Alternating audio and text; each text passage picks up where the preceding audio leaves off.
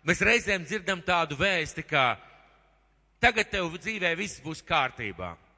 Ne par ko nav jāuztraucās, viss būs ļoti labi. Dievs tevi svētīs, Dievs tev palīdzēs, Dievs tev aizstāvēs, Dievs tev būs kārtībā. Dievs visu izdarīs. Dievs visu izdarīs. Mēs dzirdam šo uh, reizēm aprīnamo vēsti un cilvēku, kur varbūt ir lielās problēmās, pieķerās šai vēstī un tic tam un paļaujās uz to. Un tā ir taisnība. Kaut kādā ziņā ir taisnība. Bet, ziniet, uh, Dievs ir pāri visām lietām, kā mēs šodien dzirdējām, pāri veselībai, pāri finansēm, par dažādām sfērām, un Dievs mūs māca, mūs māca, kā iziet kopā ar viņu caur šīm grūtībām. Bet reizēm šī vēsts skan no tādā vienā virzienā, ka viss tagad tavā dzīvē būs kārtībā un viss būs forši. Un 90. gados, es nezinu, vai kāds atcerās, bija tāda finanses kompānija Auseklītis. Kāds atcerās, jā? Ja? Un viņiem bija ļoti labs moto. Tev ir problēmas? Nieki. Auseklītis atrisinās. Un pēc tam, kad sākās krīze, Auseklītis neko vairs nerisināja. jo nauda bija paņemta un naudas nebija, un tad visiem bija problēmas, jo bija sasējušies ar auseklīti.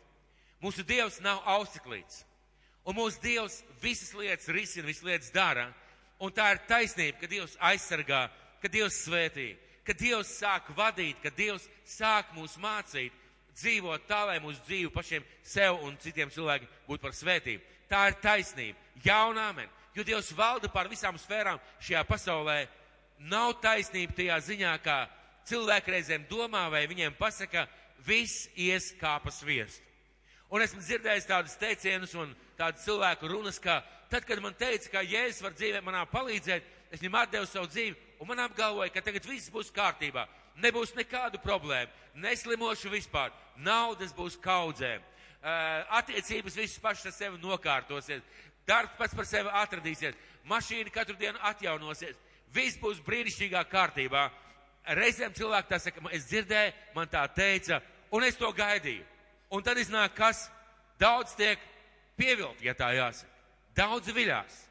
Daudziem ir jautājums, kā tā? Man tā solīja, man tā teica, un tā nenotika. Dievs, mūsu mīlošais tēvs, pieļauj mūsu dzīvē pārbaudījumus. Viņš pieļauj mūsu dzīvē pārbaudījumus, kad mēs tiekam pārbaudīti un kad mēs uh, kaut kādā veidā tiek pārbaudīta mūsu ticība. Kad mēs ticam Dievam, ka tiek pārbaudīta mūsu ticība. Dievs pieļauj mūsu dzīvē kādus kārdinājumus, Dievs pieļauj, ka vēlns mūs kārdina. Dievs pieļauj, ka apstākļi, ja vēlns mūsu pretinieks ar dažādiem apstākļiem, cilvēkiem, situācijām mūs kārdina. Kas ir pārbaudījums un kas ir kārdinājums? Pārbaudījums ir tas, kurā tu nonāc kas ir tavā dzīvē, un šis te kārdinājums ir atrisināt to nepareiziem veidā, nepareiziem līdzekļiem, vai šis te kārdinājums reizēm ir atbildēt kaut kā ne tā, vai reaģēt ne tā, kā gribētos. Un bieži vien šis te pārbaudījums ir apstākļi, kas nerodas mūsu grēka dēļ. Ir tik daudz cilvēku, kuri saslimst ne tāpēc, ka viņi grēkoja. Vai tie cilvēki, kuri iet cauri kādām grūtām situācijām, ne tāpēc, ka viņi izdarīja nepareizi vai ka viņi ir slikti cilvēki. Vienkārši mūsu dzīvē ir tādas mirkļi, kad Dievs pieļauj šos pārbaudījumus, pieļauj vēlnu kārdināšanu mūsu dzīvē. Un tas notiek ļoti dažādi. Caur citiem cilvēkiem, caur dzīves apstākļiem, caur notikumiem, caur dažādām lietām. Un ienāk šie pārbaudījumi. Un ir tādas situācijas, ka tu neesi vainīgs. Tu nebija vainīgs pie tā. Vai, ja tu biji vainīgs, tu vienkārši nezināji vai nesaprata, vai tajā mirklī bija samulsis vai nobijies. Vienkārši tas atnāk, tas notiek, un gadās, ka tu pats izraisīji ar savu rīcību šādas lietas. Un ko tu darīsi tālāk? Ko tu darīsi tālāk? Tas ir pārbaudījums, ko tu darīsi tālāk. Un kāpēc es par to tagad runāju? Jo tas ir absolūti nepieciešams mums, un Dievs to zina.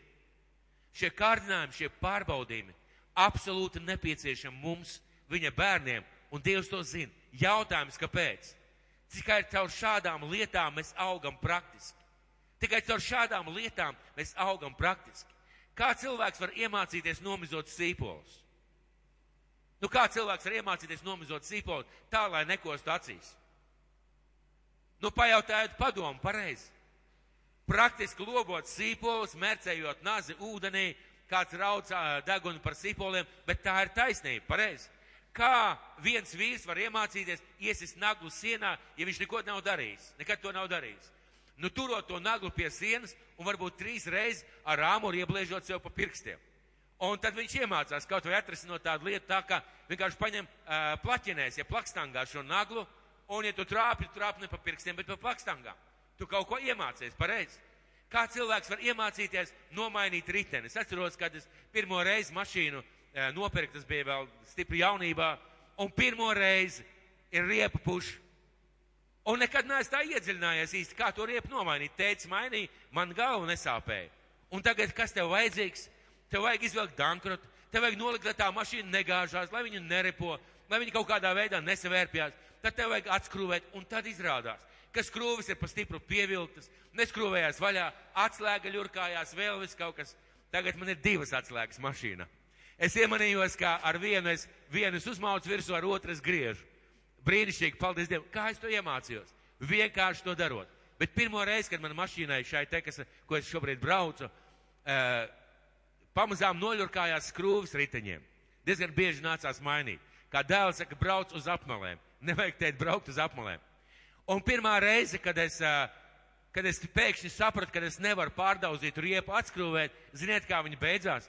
Es kārtīgi savainoju roku. Bet tad es sapratu, ka man vajag vēl vienu atslēgu, ka man vajag vēl vienu trūku, un beigās es atskrūvēju. Tagad, kad riepa pārplīst, es jau zinu, man viss ir sagatavots. Kā es to iemācījos? Pārbaudījumos, pareizi. Pārbaudījumos situācijās man ir bijuši gadījumi, kad es braucu uz laukiem ar savu veco mašīnu vēl.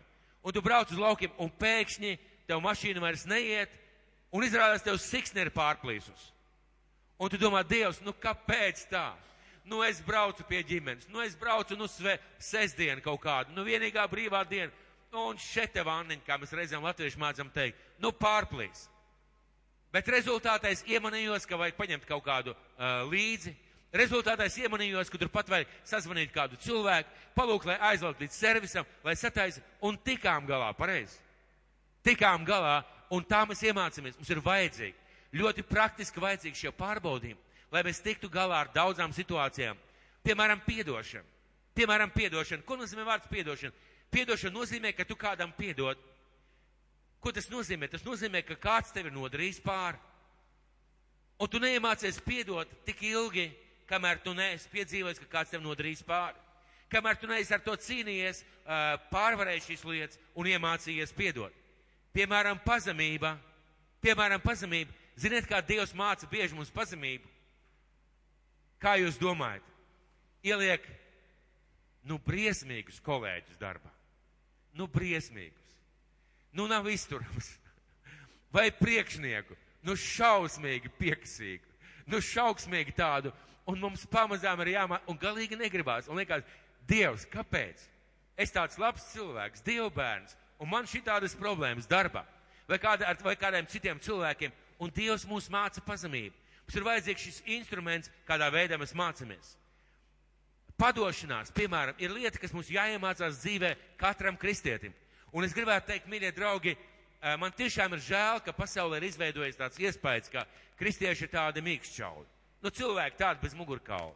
Patiesībā vajadzētu būt otrādi. Un Dievs mūs māca nepadoties. Jebkurā situācijā apstāties, padomāt, ko darīt, un kādā virzienā virzīties tālāk, lai tiktu ārā no situācijām vai kādām grūtībām.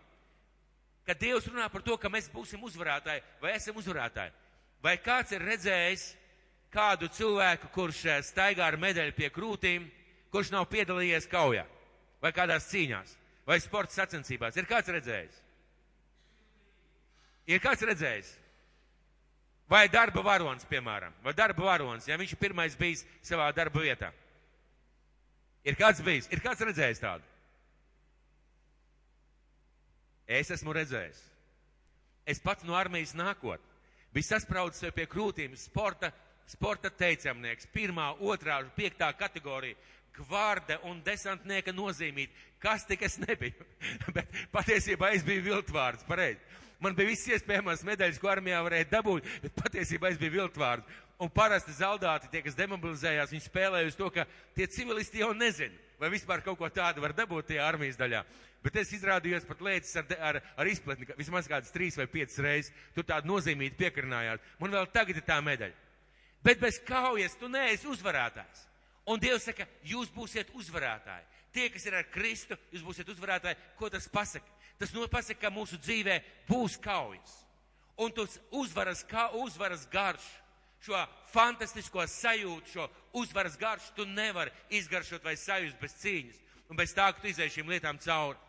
Pareizi iziet no kādām vietām, mēs iemācāmies tikai tādu, no kādām grūtībām, kad Dievs mūs ievada šaurā vietā, kur mums nav īsti iespējas izvēlēties, mums ir jāizvēlas kaut kas viens un jāiet tajā virzienā. Un iziet Dieva veidā, kā mēs iemācāmies iziet Dieva veidā, tikai un viennozīmīgi grūtībās. Ko tas izdara mūsu dzīvē? Ko tas izdara mūsu dzīvē? Pirmām kārtām mēs paliekam stiprāki, mēs norūdāmies. Mēs paliekam stiprāki, mēs norūdāmies. Mēs iemācāmies meklēt Dievu.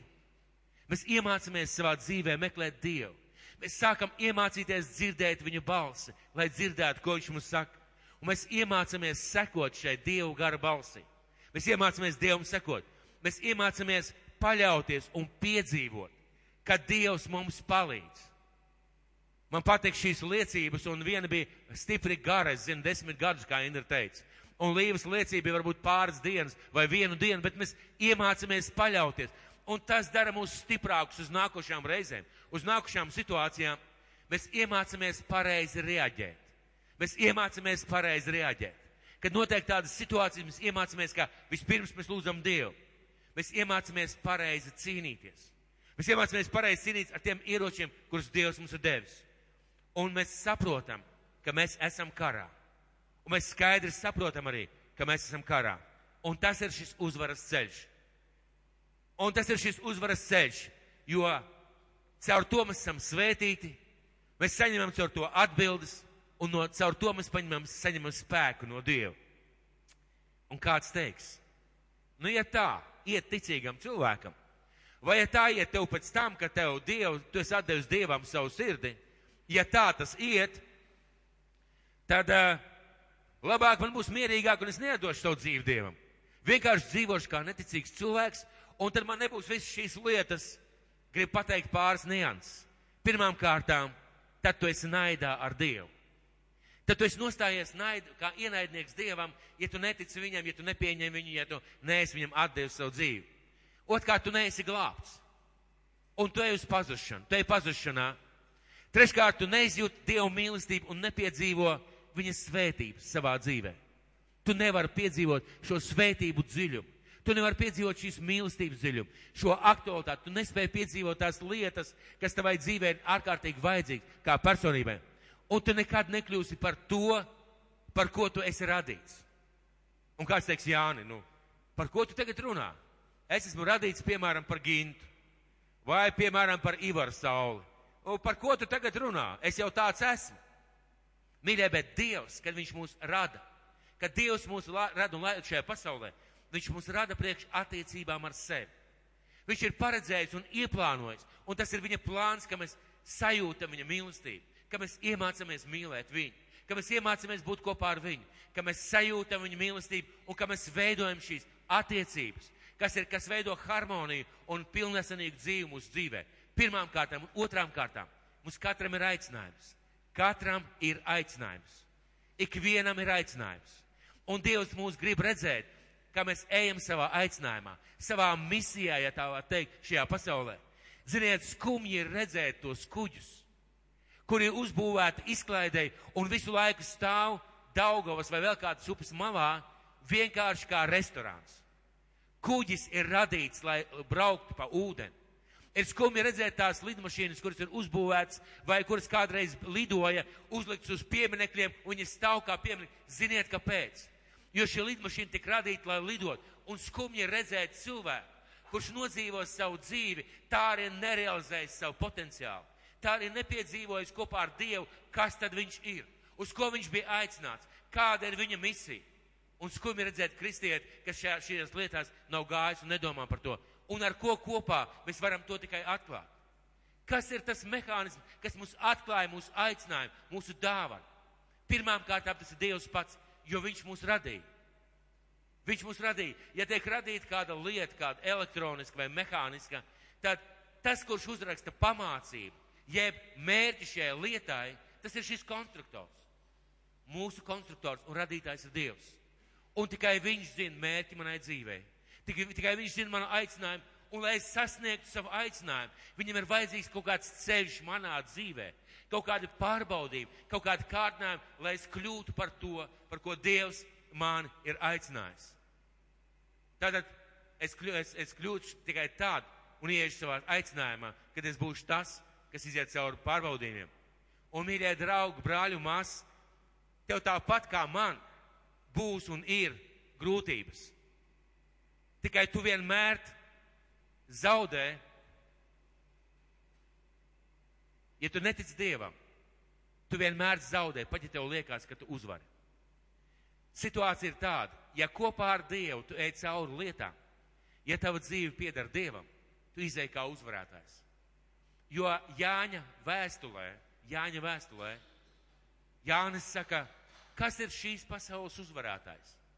Tas, kas tic, ka Jēzus Kristus ir Dieva dēls.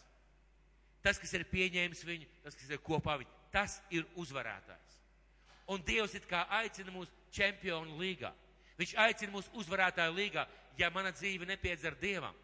Es tāpat iešu cauri problēmām, grūtībām, situācijām un pārbaudījumiem, tikai es vienmēr būšu zaudētājs. Pat ja man liekas, man izdevās, es sakārto, es iegūstu, es iemanto, man sanāca, vienalga tu esi zaudētājs, jo tev nav īsto ieroču. Tev nav īsto ieroču. Tev nav īstās sapratnes, ar ko tu cīnies. Tu vienmēr paliec vienalga tumsas valstībā. Tāpēc vienīgais gudrais risinājums un padoms ir atrod Dievu, atdod viņam savu dzīvi, iepazīsti viņu un auc kopā ar Jēzu. Jēzus ir mūsu piemērs. Jēzus Kristus ir mūsu piemērs. Zini, visvalda Ginter, jebkurš, kas šeit sēžam, Jēzus ir mūsu piemērs šajā ziņā. Viņš ir mūsu piemērs. Un es gribētu runāt tieši par to mirkli, kad Kristus it kā sāk kalpot. Un vajadzētu būt tā, un tagad tikai uz priekšu ar pilnām burām viss ir kārtībā. Un uh, Mateja evaņģēlijas trešā nodaļa, nodaļa 16. un 17. pants. Un kad Jēzus bija kristīts, viņš tūdaļ izkāpa no ūdens. Un redzi, debesis atvērās, un viņš redzēja dieva garu kā balodi nolaižamies un uz viņu nākam. Un redzi, balss atskanēja no debesīm sacīja. Šis ir mans mīļais dēls, uz ko man labs prāts. Nu, kur vēl lielāku apliecību, ka Dievs ir kopā ar tevi? Kur vēl lielāku apliecinājumu, ka Dievs ir tavā pusē? Kur vēl lielāku apliecinājumu, ka tu esi Dieva rokās, ka Viņš tevi ir satvēris, ka tu tagad esi kopā ar Dievu? Kur vēl lielāku apliecinājumu. Un varētu teikt, aleluja, aleluja, viss ir kārtībā, lieliski. Bet ziniet, Jēzum priekšā ir trīs ar pus gadu kalpošanas. Viņam priekšā ir jāsaka tā neiespējamā misija. Pirmām kārtām mācīt cilvēkus, sagatavot mācekļus priekš nākošām paudzēm un gadu simtiem.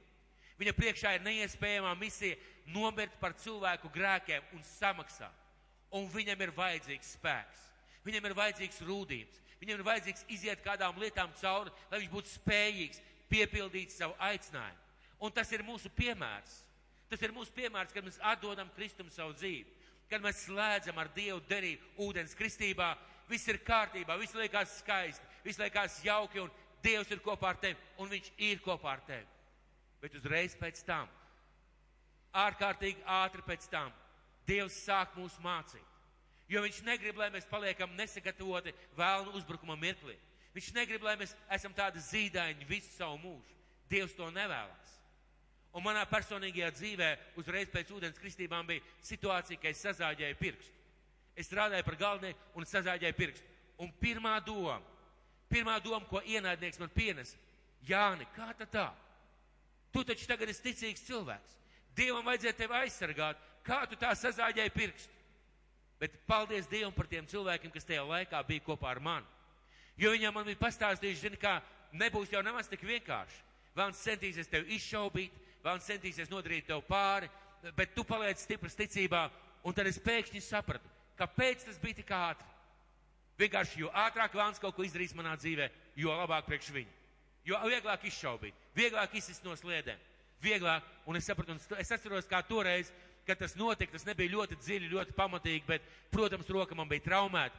Es atceros, kā tagad es teicu, nevēlns, tev neizdevās, nekā nebūs. Es ticu Dievam un paļaujos un zinu, ka tam ir kaut kāds mērķis. Sakiet, kāpēc es ar jums to varu tagad dalīties? Jo es to piedzīvoju. Es to piedzīvoju, un tad, kad mēs piedzīvojam, mēs kļūstam spējīgi pastāstīt arī citiem. Un bieži vien jauniem ticīgiem cilvēkiem vēlams uzreiz pirms tam vai pēc tam metās virsū. Bet Dievs mūs māca pastāvēt. Tad lūk, Jēzus, viņš ir šajā situācijā, viņš kristās, viņš atdod Dievam savu dzīvi, un tagad vajadzētu būt visam labi. Un lasām Mateja evaņģēlī 4. nodaļu no 1. līdz 11. pantam. Bet sāksim vienkārši ar 1. un 2. pantu. Tad Jēzus ir kristījies, viņš ir atdevis Dievam savu dzīvi. Viņš ir pieņēmis šo izaicinājumu kalpot cilvēkiem, viņš pieņēmis savu uzdevumu. Un lūk, uzreiz pēc tam, kad atskanēja balss, tas mans mīļotais dēls, uzreiz nākošajā nodaļā rakstīts tā. Tad gars, un gars mums ir rakstīts ar lielo burtu. Tātad svētais gars Jēzu aizveda tuksnesī, kad tas taptu vēlna kārdināts. Un kad viņš 40 dienas un 40 naktis bija gavējis, tad tam gribējās ēst. Kas aizveda Jēzu tūkstnesī? Kas aizveda? Jēzus pats aizgāja, Sātans viņu tur ierāva, svētais gars. Tātad aizveda viņu svētais gars tūkstnesī. Kāpēc? Lai viņš taptu kārdināts lai būtu viņai dzīvē šis pārbaudījums. Tātad, kas ieved viņu šajā situācijā? Ieved Dievs, bet kārdina kas? Kārdina Dievs vai vēlns? Vēlns. Tātad Dievs pieļauj, Dievs ievad jēzu šajā situācijā, kad vēlnam ir iespēja viņu kārdināt. Un kādā veidā? Un kad viņš 40 dienas un 40 naktis bija gavējis, tad tam gribējās ēst tad tam gribējās ēst. Tātad Jēzus fiziski ir tuksnesī. Viņš ir tuksnesī 40 dienas, viņš nav ēdis. Var saprast, ka viņš ir dzēris ūdeni, viņš ir 40 dienas tuksnesī. Un ko viņš tur darīja? Ko viņš tur darīja? Viņš lūdza Dievu. Viņš 40 dienas lūdz Dievu un tikai pašās beigās atnāk kārdinātājs, lai kārdinātu. Tad 40 dienas Jēzus lūdz Dievu. Viņš, es esmu pārliecināts, ka viņš ar katru dienu arvien vairāk Dievu saprot, arvien tuvāk Dievam, arvien tuvāk viņa klātbūtnē. Pārdomājot vārdu, lūdzot, meklējot Dievu, noteikti sarunājoties ar viņu, dzirdot balsi, vai kā savādāk es nevaru pateikt, jo Bībele to mums nepasaka, bet viņš tuvojās Dievam arvien vairāk un vairāk un vairāk. Un tajā pašā laikā viņa izsaukums aug. Ir 40 dienas pagājuši, viņš nav ēdis, un tad, kad šis izsaukums ir sasniedzis varbūt šau to lielāko spriedzi vai lielāko situāciju, atnāk sātans un sāk viņu kārdināt. Sāk viņu kārdināt. Kāpēc Jēzus ir kārdināts? Priekš kā? Lai sagatavotos dzīvei un kalpošanai. Lai sagatavotos dzīvei un kalpošanai. Un mūsu dzīvē. Un mūsu dzīvē ir tūkstneši un būs tūkstneši. Reizēm tā negribās teikt pareizi. Gribās teikt, Viss būs labi, viss būs brīnišķīgi. Dievs ir ar tevi, problēmu nebūs, naudas būs kā spaļu, attaisīs atvilkni, pagrābs, cik tev vajag, un viss būs kārtībā. Tava mašīna nekad nelūzīs, visi tevi mīlēs, darbā tevi cienīs, un katru mēnesi palielinās algu. Būtu jau labi, pareizi. Tikai mēs nedzīvojam paradīzē, vēl nedzīvojam paradīzē. Un uh, pasaulē ir grēks, un pasaulē ir sāpes. Mēs kļūdāmies, cilvēki kļūdās, un Dievs pieļauts ar to mūsu dzīvē dažādus pārbaudījumus. Un kas ir šie tūkstneši mūsu dzīvē? Mūsu dzīves grūtās situācijas. Vai kāds ir piedzīvojis savā dzīvē kādu grūtu situāciju? Es domāju, ka mēs visi varētu pacelt roku pareizi. Visi varētu pacelt. Sarežģītas situācijas ka tu nezini, kā no šīs situācijas tikt ārā. tu vienkārši nesaproti, kā tikt ārā. Kad mūsu dzīvē ir kāda izaicinājuma, kad tev vajag kaut ko izdarīt, tev vajag kaut ko izdarīt. Nu, piemēram, tu sēdi un tev nav naudas, un tev nav darba. Bet tev vajag kaut kā tikt pie darba. Un tev tagad ir jāiet, jāmeklē darbs, vai jāatsūta CV, vai kaut kādā veidā jākustās tajā virzienā, kur tu esi, vai darbā kāds sarežģīts uzdevums, sarežģīti cilvēki, sarežģītas situācijas. Un paldies Dievam, paldies Dievam, mācītāji regulāri ir uz pannas. Šajā ziņā mācītāji ir regulāri uz pannas. Viņiem, eh, cik es paklausos, eh, cik es paklausos, sirmi mati parasti nāk nevis no vecuma, bet no dažādām grūtām situācijām.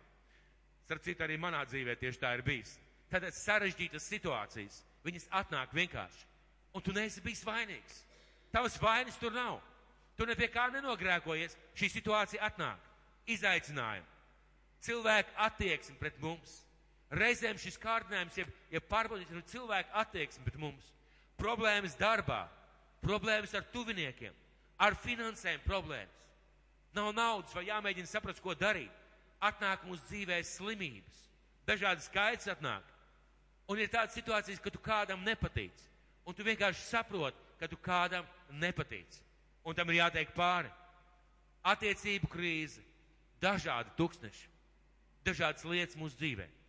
Piemēram, skolniekiem vai studentiem nopietna krīze. Eksāmens galā jānokārto. Nu, nopietna krīze, pareizi. Vai kursa darbs jāuzraksta, un tu esi visu semestru nopumpulējis. Un tad ir nopietna krīze. Un tad pēkšņi lūkšanas, vai jūs domājat, ja, ja, kā jūs domājat, ja, ja varētu redzēt lūkšanas, ja lūkšanas varētu redzēt, tad uh, semestru beigās vai, uh, teiksim, nu, pieņemsim, nezinu, mācību laika beigās, no kurienes visvairāk paceltos lūkšanas uz debesīm? nu, mācību iestādēm pareizi. Debes tēvs, lūdzu palīdzi. Es skolā mācījos kādu lielisku dzējolīti. Es viņu atceros vēl tagad. Un dzējolīts bija vēstule Salavecam. Un iet runa par to, ka puisis raksta vēstuli divas vai vienu dienu pirms Ziemassvētkiem, Salavēcim, pirms jaunā gada. Tajā laikā svinēja jaunā gada. Un sākās šī vēstule ar ļoti sirsnīgiem vārdiem. Un klausieties, kā tas skan. Salaveci, dikti labo, mēģini tā izdarīt, lai tiek lielais divnieks labots, liecībā, ko izdos rīt. Un tad tur ir par vecmāmiņas zeķēm uzadi. Un tad tur tētim par dāvaniņu. Nu, lūdzu, salaveci. Kāpēc? jo iepriekšējo laiku nekas nav darīts pareizi. Un rītā izdos liecību, un tajā būs divnieks. Nu, lūdzu, salvēts, kaut ko izdara. Reizēm mūsu dzīvē tāpat ar Dievu, pareizi. Vienīgais pozitīvais tas, ka Dievs ir dzīvs un viņš dzird, un viņš var kaut ko izdarīt. Salavets, nu nezinu, priekš manis salavets laikam pazuda, nezinu cik gados, 10 gados, 12 gados, nemāku precīzi pateikt.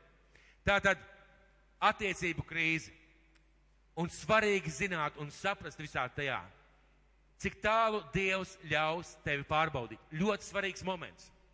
Ļoti svarīgs moments. Mēs ejam visi cauri kārdinājumiem un pārbaudījumiem, bet ir ārkārtīgi svarīgs moments, ko mums ar tevi ir jāzina. Paskatieties visi uz mani. Mums ar tevi ir jāzina, cik tālu Dievs ļaus mūs kārdināt vai pārbaudīt. Cik tālu tas būs? Vai tik, tik ilgi, kamēr es nomiršu? Vai tik ilgi, vai tik ilgi kamēr es sajūgšu prātā? Vai tik ilgi, kamēr es vispār būšu pilnīgā badā vai pilnīgā nabadzībā? Cik tālu Dievs ļaus mani pārbaudīt? Vai tik ilgi, kamēr es aiziešu no darba vai kādām citām situācijām? Cik ilgi Dievs ļaus mani pārbaudīt? Un šeit mums ir vajadzīgs Dieva vārds. Un pirmajā vēstulē korintiešiem.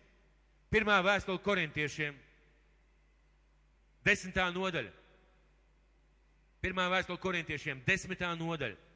12. 13. pants. 12. 13. pants. Un Dievs šeit skaidri pasaka. Tādēļ, ka šķietas stāvam, lai pielūko, ka nekrīt. Jūs piemeklējis vēl tikai cilvēcīgs pārbaudījums. Dievs ir uzticīgs. Viņš neļaus jūs pārbaudīt pāri par jūsu spēkiem. bet darīs pārbaudījumiem tādu galu, kā varat panest. Un šajā vietā Dievs saka, ejot cauri visām lietām, visiem notikumiem tavā dzīvē, Indra tavā dzīvē, citu brāļu māsu dzīvē, mūsu dzīvē, ejot cauri pārbaudījumiem, mums ir jāzina, mums ir jāzina, ko Dievs saka, un Dievs saka, ka Viņš ir uzticams, ka Viņš ir uzticams un ka Viņš neļaus pārbaudīt mūs pāri mūsu spēkiem, ka Viņš neuzliks vairāk, nekā mēs spējam panest. Tas nozīmē, ka es vienmēr zinu, ka kamēr kamēr es esmu kopā ar Dievu, kamēr es kopā ar Dievu neesmu izdarījis nepareizu lēmumu, Dievs ir ar mani un viņš beigs to lietu tajā mirklī, kad es vairs tālāk nevaru, vai kad es jau būšu gatavs tam, lai iziet kā uzvarētājs no šīs situācijas. Tas ir ārkārtīgi svarīgi saprast, jo tas dod cerību. Tas dod cerību pusmiljonu kredītā, tas dod cerību slimībā, tas dod cerību, kad nav darba, tas dod cerību, kad priekšnieks tev uzbrūk, tas dod cerību, kad cilvēki tevi nesaprot tas dod cerību. Kāpēc? Jo Dievs pateica, ka Viņš neļaus pārbaudīt vairāk, nekā mēs spējam savā dzīvē izturēt. Manā bērnībā es spēlēju indiāņus. Es biju no tiem cilvēkiem, kuram ļoti patika spēlēt indiāņus. Šajā pašā kinoteātrī es skatījos filmas ar Goļko Mitiču, ja kāds atcerās tādu aktieru. Šajā pašā, pēc šai, šādām filmām es mājās daisīju no bleķa cirvīšus, bultas taisīju, šaudījos, mēģināju sīļus ziemā nomedīt. Es riktīgi spēlēju indiāņus. Un man ārkārtīgi patika taisīt lokus, bultas, tādas lietas. Bet viena lieta es iemācījos, kad tu no koka taisi loku, parasti tās bultas bija tādas stipri garas. Nu tā, lai kārtīgi var uzvilkt. Bet tev vienmēr bija jā, jāmēģina notrāpīt tas mirklis, ka tas loks vēl liecās, ka viņš nelūst. Nu, ka viņš tāds vēl ir, ka viņš uz robežas uz liekšanos, un tad tu izšāvi, un tas bija maksimālais, ko tu varēji atvilkt. Līdzīgi, es saprotu, ka Dievs dara ar mūsu dzīvi. Viņš paņem uz dzīvi un kā loku uzvelk. Bet viņš vienmēr neuzvelk, nekad neuzvelk tā, ka mēs salūstam. Dievs vienmēr šo loku uzvelk tā, ka mēs izšaujam, mēs atkal iztaisnojamies. Un šī spriedze pāriet. Un to ir ārkārtīgi svarīgi saprast. Ārkārtīgi svarīgi piedzīvot un izprast, jo mūsu pārbaudījumi nav bez jēga un bez mērķa. Mūsu pārbaudījumi vienmēr ir ar jēgu un ar mērķi. Kāpēc? Kāpēc Dievs mūs tādā veidā liec kā lokus? Kāpēc Dievs mūs tādā veidā liec kā lokus, pārbaudot un nostiprinot mūsu ticību un paļaušanos Viņam? Lai mēs mācītos pareizi reaģēt. Pirmā lieta, lai mācītos pareizi reaģēt uz šo situāciju, lai mācītos uzvarēt un lai kļūtu stiprāki. Mūsu dzīvē to parasti sauc par krīzi, ja par krīzes situāciju. Par krīzi vai par krīzes situāciju. Bet man patīk ķīniešu valoda. Ziniet, ko krīze nozīmē ķīniešu valodā? Un viņš, šī, šī valoda ir no austrumnieku valodām, kur katram vārdam ne tikai viena nozīme, kā latviešiem var būt, jā, vienīgi, vienīgi, teiksim, uh, nezinu, zāle vai zāle vai zāle, vien, viens vārds daudz ko nozīmē. Ziniet, ko nozīmē ķīniešu valodā vārds krīze? Kāds zina? Briesmas. Un otra nozīme - iespēja augt. Viņi pat lieto šos vārdus ar tādu izteiksmi. Ja tavā dzīvē ir krīze, ja briesmas, tas nozīmē, ka tā ir tava iespēja augt. Un es personīgi esmu pārliecināts, ka tas ļoti saskan ar Dievu vārdu. Krīze nozīmē iespēja augt. Un mēs atgriežamies pie Mateja evaņģēlī. Ceturtās nodaļas. Trešais pants. Un kārtinātājs piestāja pie viņa un sacīja: Ja tu esi Dieva dēls, tad saka, lai šie akmeņi top par maizi. Interesanti, ka Jēzus lieto Dievu vārdu. Viņš paņem no Iesaijas grāmatas šos pantus un viņš lieto kā vārdu. Ja Sātans būtu atnācis ar kādu kārdinājumu, kādu nepareizu, nezinu, tādu pilnīgi pretēju lietu, droši vien kā būtu ārkārtīgi vienkārši atšķirt pareizi. Un Sātans paņem šos labos vārdus, jeb labo ideju, ja tā varētu teikt, sagroza nozīmi, izņem no konteksta un lieto šo ideju nepareizi. Un ko viņš saka? Ja tu esi Dieva dēls, ja tu esi Dieva dēls, un tev šobrīd gribās ēst, un ir šis spiediens, šis pārbaudījums, kāda tev ir problēma? Saka, lai šie akmeņi top par maizi. Ko patiesībā Sātans šeit mēģina viņam pateikt? Ko viņš Sātans mēģina pateikt? Noliec par savu izēju, izēju dabisku risinājumu. Noliec par izēju no situācijas dabisku risinājumu. Šajā gadījumā tieši maizi. Paļaujies uz sevi. Paļaujies uz savām spējām. Viss, kas tev ir vajadzīgs, dari pats un nepaļaujies uz Dievu. Dari pats un nepaļaujies uz Dievu. Un mēs bieži tā rīkojamies. Kad mēs esam kādā grūtā situācijā, mēs īsti pat varbūt neaizdomājamies, ko, kā Dievs risināt šo problēmu. Ko Dievs darīt, kādā veidā Viņš mums gribētu izvest ārā. Mums ir ideja, kā to atrisināt. Mums ir ideja, kā to atrisināt. Piemēram, piemēram kaimiņš tev, tev kaut ko sliktu pateicis. Ko tu izdarīsi? Tu pateiksi viņam kaut ko pretī. Piemēram, tav, tavs priekšnieks darbā ir tev nodarījis pāri un kaut ko pieprasījis, nav bijis pārāk uh, labs pret tevi. Ko tu darīsi? Es kurnēšu, es sūdzēšos, es runāšu kolēģiem, es stāstīšu mājās, cik man priekšnieks ir briesmīgs un teikšu, briesmīgāk cilvēku neesmu redzējis. Kad tev ir slimība, ko tu darīsi? Tu teiksi, Dievs man nepalīdz. Dievs man nespēja. Es aiziešu pie kādiem burvjiem, kādiem zilniekiem, varbūt aiziešu pie kādiem ekstrasensiem un uh, varbūt nav vērts nemaz Dievu lūgt, bet tādā veidā risināšu. Un Vāns saka, lieto savas spējas. Neuztraucies par Dievu. Tev ir kārdinājums, tev ir problēma. Lieto savas spējas. Tu no tā varēsi iztikt, tu no tā varēsi pārtikt. Un Vēlns šajā vietā mums ar tevi pasaka. Visi piedzīvo tieši šos pašus trīs kārdinājumus, tas zināmā mērā kā paraugs. Vēlns pasaka, lieto savas spējas, un nepaļaujies uz Dievu. Tava izdzīvošana ir tavās rokās. Tava veiksme ir tavās rokās. Tava panākuma ir tavās rokās. Nu, nav jau problēma. Kad tu atnāksi uz baznīcu, nu, padzied tās skaistās dziesmas. Nu, kad visi lūgs, pacel tās rokas. Nu, kad visi, visi, visi pagodinās Dievu, nu, piedalies tajā pasaukumā, bet, zini, tavai dzīvē tas nav aktuāli. Ja tu gribi būt veiksmīgs, dari pats, izlem pats, piemēram, ar laulībām. Mēs zinām, ka Dievvvārds ļoti skaidri saka, ka ticīgam cilvēkam ir jāpacās ar ticīgu cilvēku. Kāpēc? Pirmām kārtām tā ir Dieva griba. Otrām kārtām vienāda vērtību sistēma. Trešām kārtām Dievs grib mūs svētīt ar labu otro pusī. Ar dievbijību, ar labu, ar mīlestības pilnu. Bet cilvēki izvēlās, man tas puisis patīk. Tas nekas, ka viņš ir neticīgs. Tā ir mana izvēle, jo es, ja es personīgi viņu palaidīšu garām, vai Dievs man iedos kādu citu. Un ja nu tas ir mans vienīgais, un es izvēlos ar viņu draudzēties, veidot attiecības, veidot ģimeni, un pēc tam, kad jau ir ģimene, pēc tam izrādās problēmas, domstarpības, mēs, un Fāns šajā vietā patiesībā mēģina pateikt, risini pats, risini pats, risini pat Ilona savas problēmas, risini pats um, Ginter savas problēmas, risini pats Rēni savas problēmas, tu to vari, tu to spēj. Saki šiem akmeņiem, lai to par maizi. Un viņi taps, jo tu taču to spēj. Un ko Jēzus atbild? Ko Jēzus atbild? Ceturtais pants. Bet viņš atbildēja un sacīja, stāv rakstīts, cilvēks nedzīvo no maizes vien. Cilvēks nedzīvo no maizes vien, no dabiskām spējām, dabiskas veiksmes, dabiskas izdošanās un dabiskiem lēmumiem. Bet no katra vārda, kas iziet no Dieva mutes.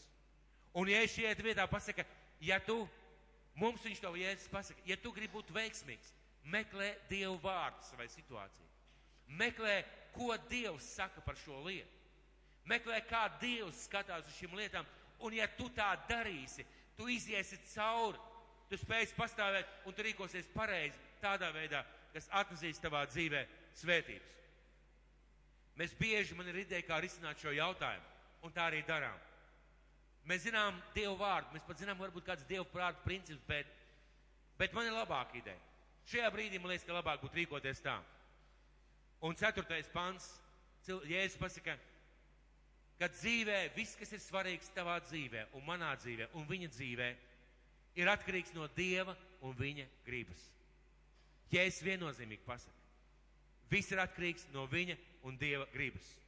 Kā atnāk Dieva valstī mūsu dzīvē? ka atnāk Dieva valstība mūsu dzīvē. Un dzīšanās pēc veiksmes, laimes, vai materiālas labklājības, vai miera ar cilvēkiem un miera ar sevi, ārpus Dieva gribas, kas uh, uzrakstīta Dieva vārdā, novedīs pie kraha. Dzirdi mani? Novedīs pie kraha. Un ne tāpēc, ka tu esi slikts vai muļķis, ne tāpēc, ka tu esi neveiksminieks, bet tāpēc, ka, ja tu izvēlies sevi par atbalstu savai dzīvei, tu uz sevi nevari paļauties. Uz cilvēkiem nevar paļauties, uz apstākļiem. Tev ir jāpaļaujas pie Dieva. Un pat ja tā ir laba ideja, bet ja, tā, bet ja mēs dzīvojam pēc šīm dabiskajām lietām, mēs aizējam no Dieva un ejam ārpus Dieva gribas un piedzīvojam krahu. Otra lieta, ko es šeit pasaku, mums ir jāmeklē Dieva prāts. Mums ir jāmeklē Dieva prāts. Kā es zināšu, kā atbildēt manam tuviniekam, radiniekam vai draugam, kurš, piemēram, ir aizņēmies no manis naudu? Aizņēmies no manis naudu, un man pašam viņu vajag. Kā es risināšu šo jautājumu? Parasti tas ziniet, kā notiek. Tiek zvanīt šim radniekam, teikt, tev kauna nav, tu no manis aizņēmies un ir ienaids uz visu mūžu. Bet Dievs saka, ir cits veids. Lūdz par šo cilvēku Dievu.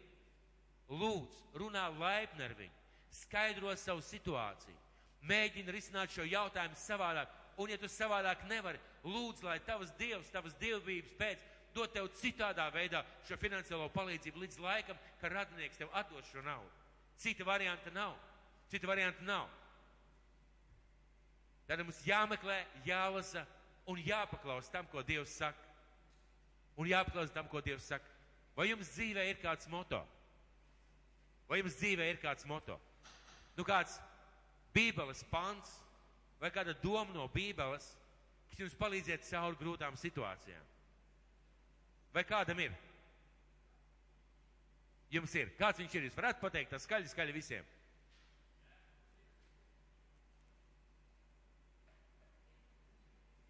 Māsas kautrēs. Labi, es tad pateikšu savējo. Es pateikšu, kāds man ir. Man ir divas lietas. Pirmā lieta - mana sirds turās pie tava vārda. Meklējiet man vajag. Es meklēšu, kungs, tavu vajag.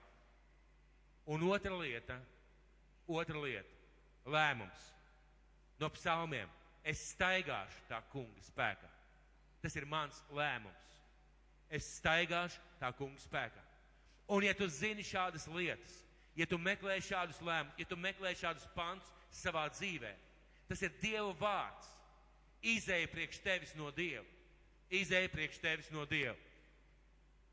Otrs kārdinājums, ko Sātans viņam pienes, tad piektais pants, tad vēlams viņu noved sev līdzi uz svēto pilsētu, uzcēla viņu pašā dievnamā jumta galā un saka, ja tu esi Dieva dēls, tad nolaidies zemē, jo stāv rakstīts Viņš saviem eņģeļiem par tevi pavēlēs, un tie tev nesīs uz rokām, ka tu savu kāju pie akmens nepiedauz.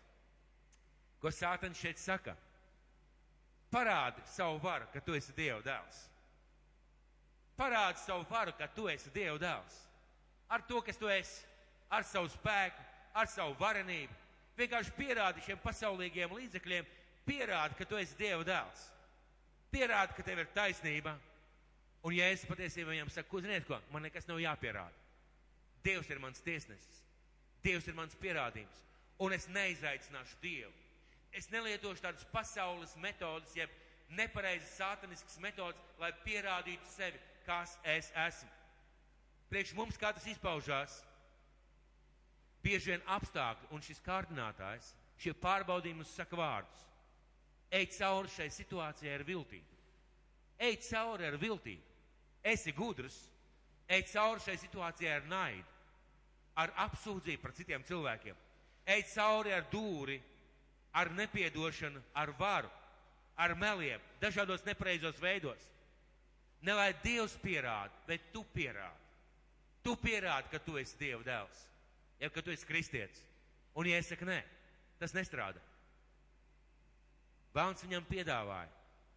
Vēlns zināja, ka viņš ir Dieva dēls.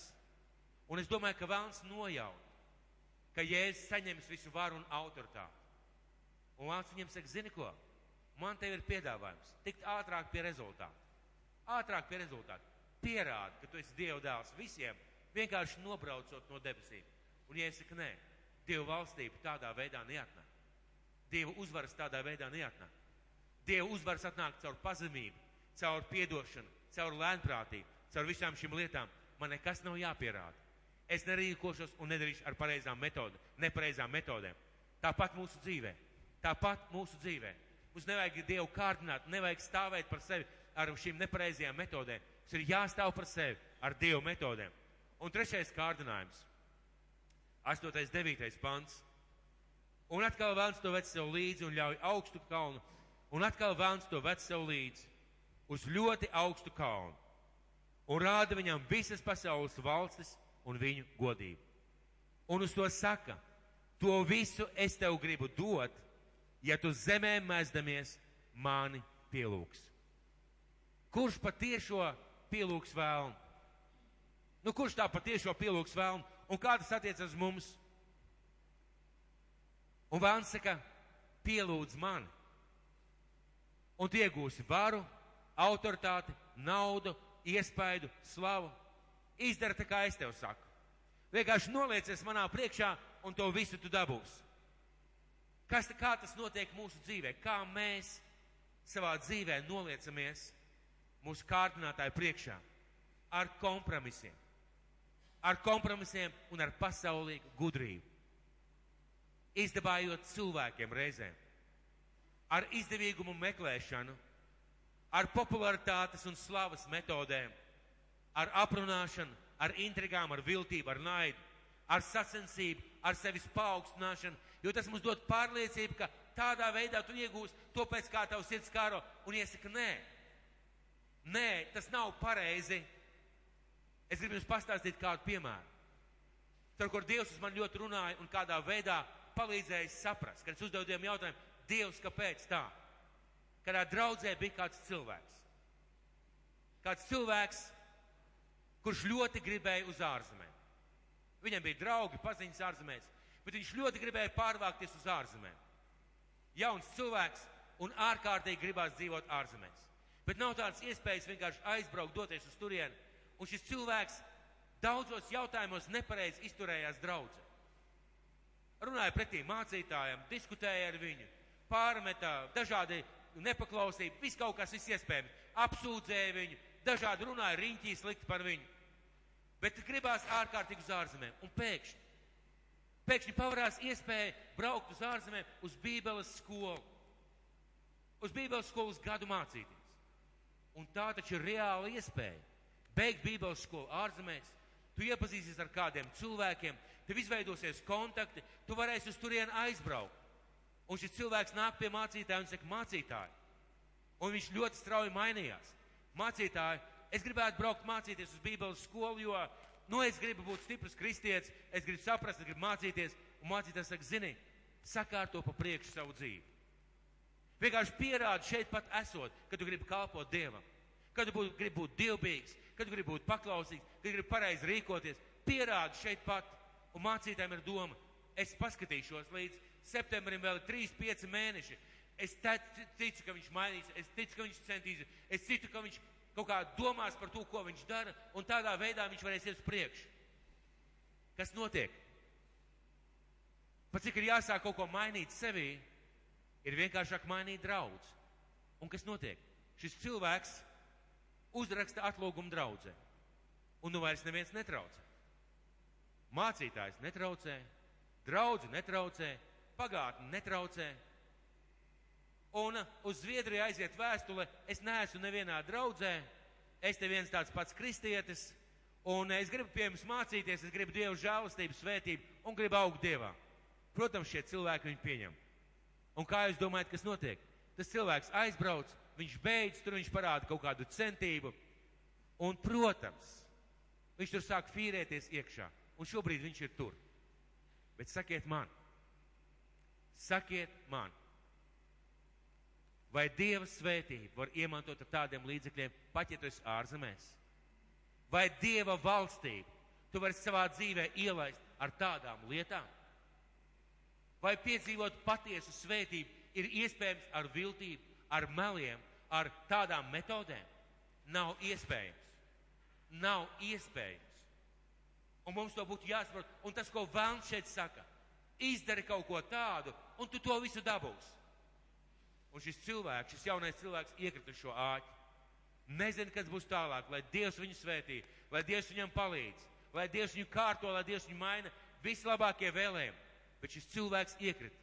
Jo iespējams, ka tajā mirklī, kad viņš bija šeit, Dievs lietoja šo spiedienu, šo situāciju sarežģīto, lai mainītu viņa dzīvi, raksturu, uzskatus, lietas.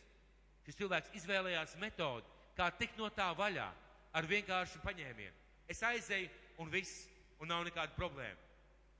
Un ja es saku, nedariet tā, nedariet tā.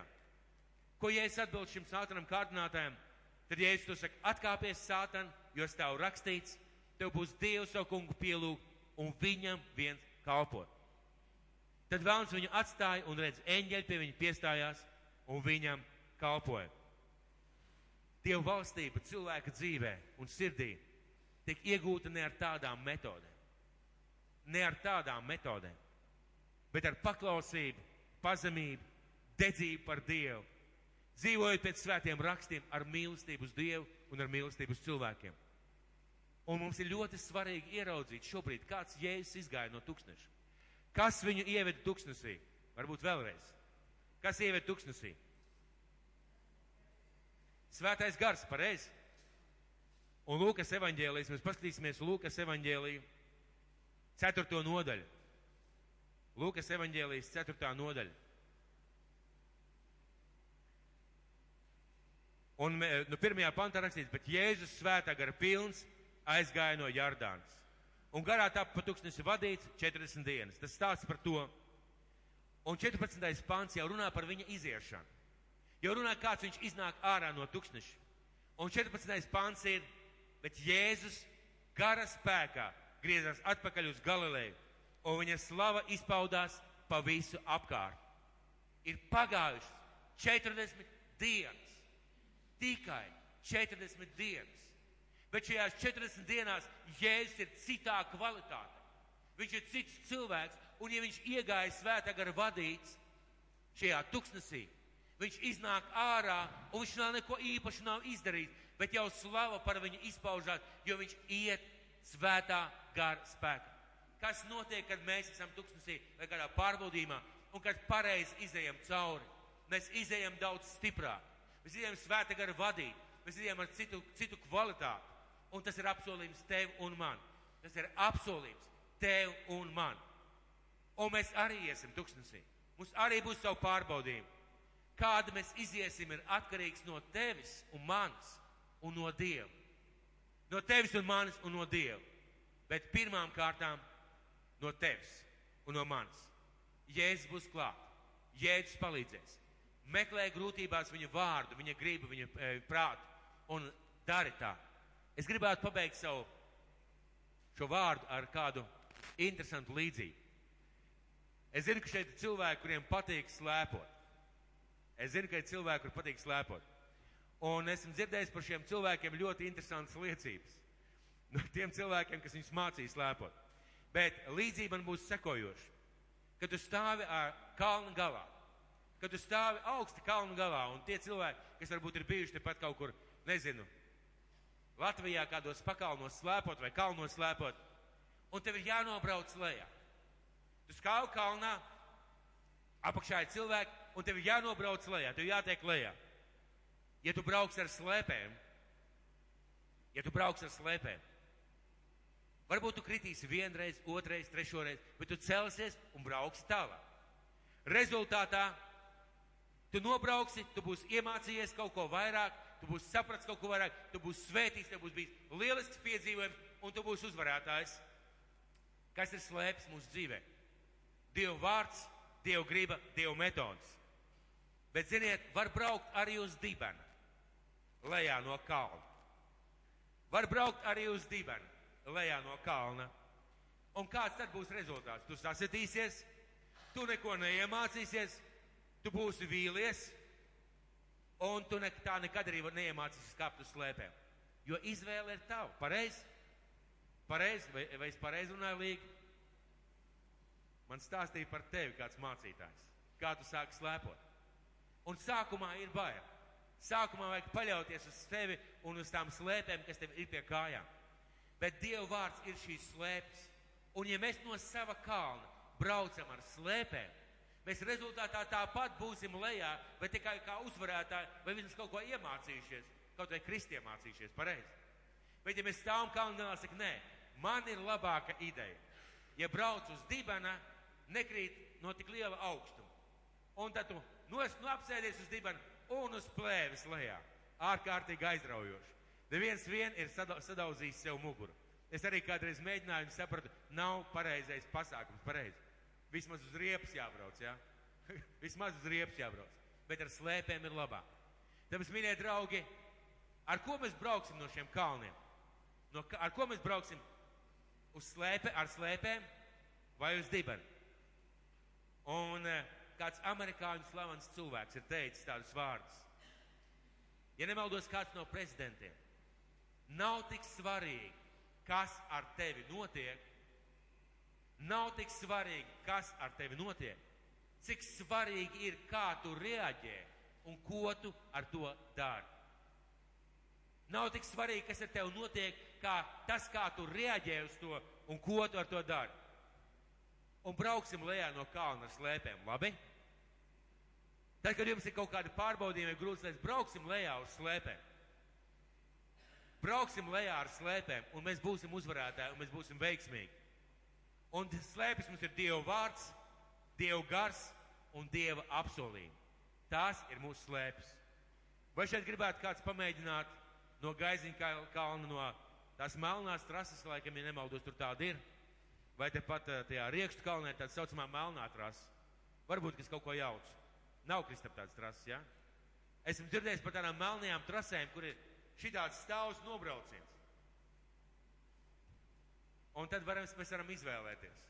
Vai nu uz dibena, un lejā kungstēdam un vaidādam, vai nu tomēr riskējuši ar slēpēm, 15 reizes krituši, cēlusies augšā, bet tomēr uz slēpēm, pareizi? Tomēr uz slēpēm. Lai Dievs svētī ka jūs brauktu ar slēpēm no kalna. Un tāpēc vārds, ar kuru es dalījos, es gribētu vēlreiz pateikt šo nosaukumu. Kā nobraukt no kalna? Kā nobraukt no kalna? Un pierakstiet jautājumu beigās savos konspektos, kā nobraukt no kalna A ar slēpēm, B uz dibenu un pielieciet lielu jautājumu zīmi. Paši priekš sevis. Un mājas grupās pārunāsim, pareizi? Lai Dievs jūs visus svētītu. Un es gribētu kopā ar jums lūgt. Es aicināsim mūsu slavētājus uz skatuves, un mēs kopā lūgsim. Un šīs dziesmas laikā mēs aicinām cilvēkus, kuri gribētu atdot savu dzīvi Kristum un pieņemt Jēzu kā savu kungu un savu glābēju, nāk šeit priekšā un eh, lūk, lai viņš ienāk mūsu dzīvēm Vai ir tavā dzīvē ir kāda problēma, kāda smaga situācija, kāds izaicinājums, kāds šis tūkstnesis, par ko es runāju? Tu nezini tikt galā, nezini kā, kādā veidā nāc priekšā, lai mēs varam kalpotāji par tevi lūgt, lai Dievs tev dod gudrību, saprašanu, izpratni, kādā veidā rīkoties. Vai ja tev ir kāda problēma un slimība, un tu vēlies, lai vienkārši par tevi aizlūdz. Celsimies kājās!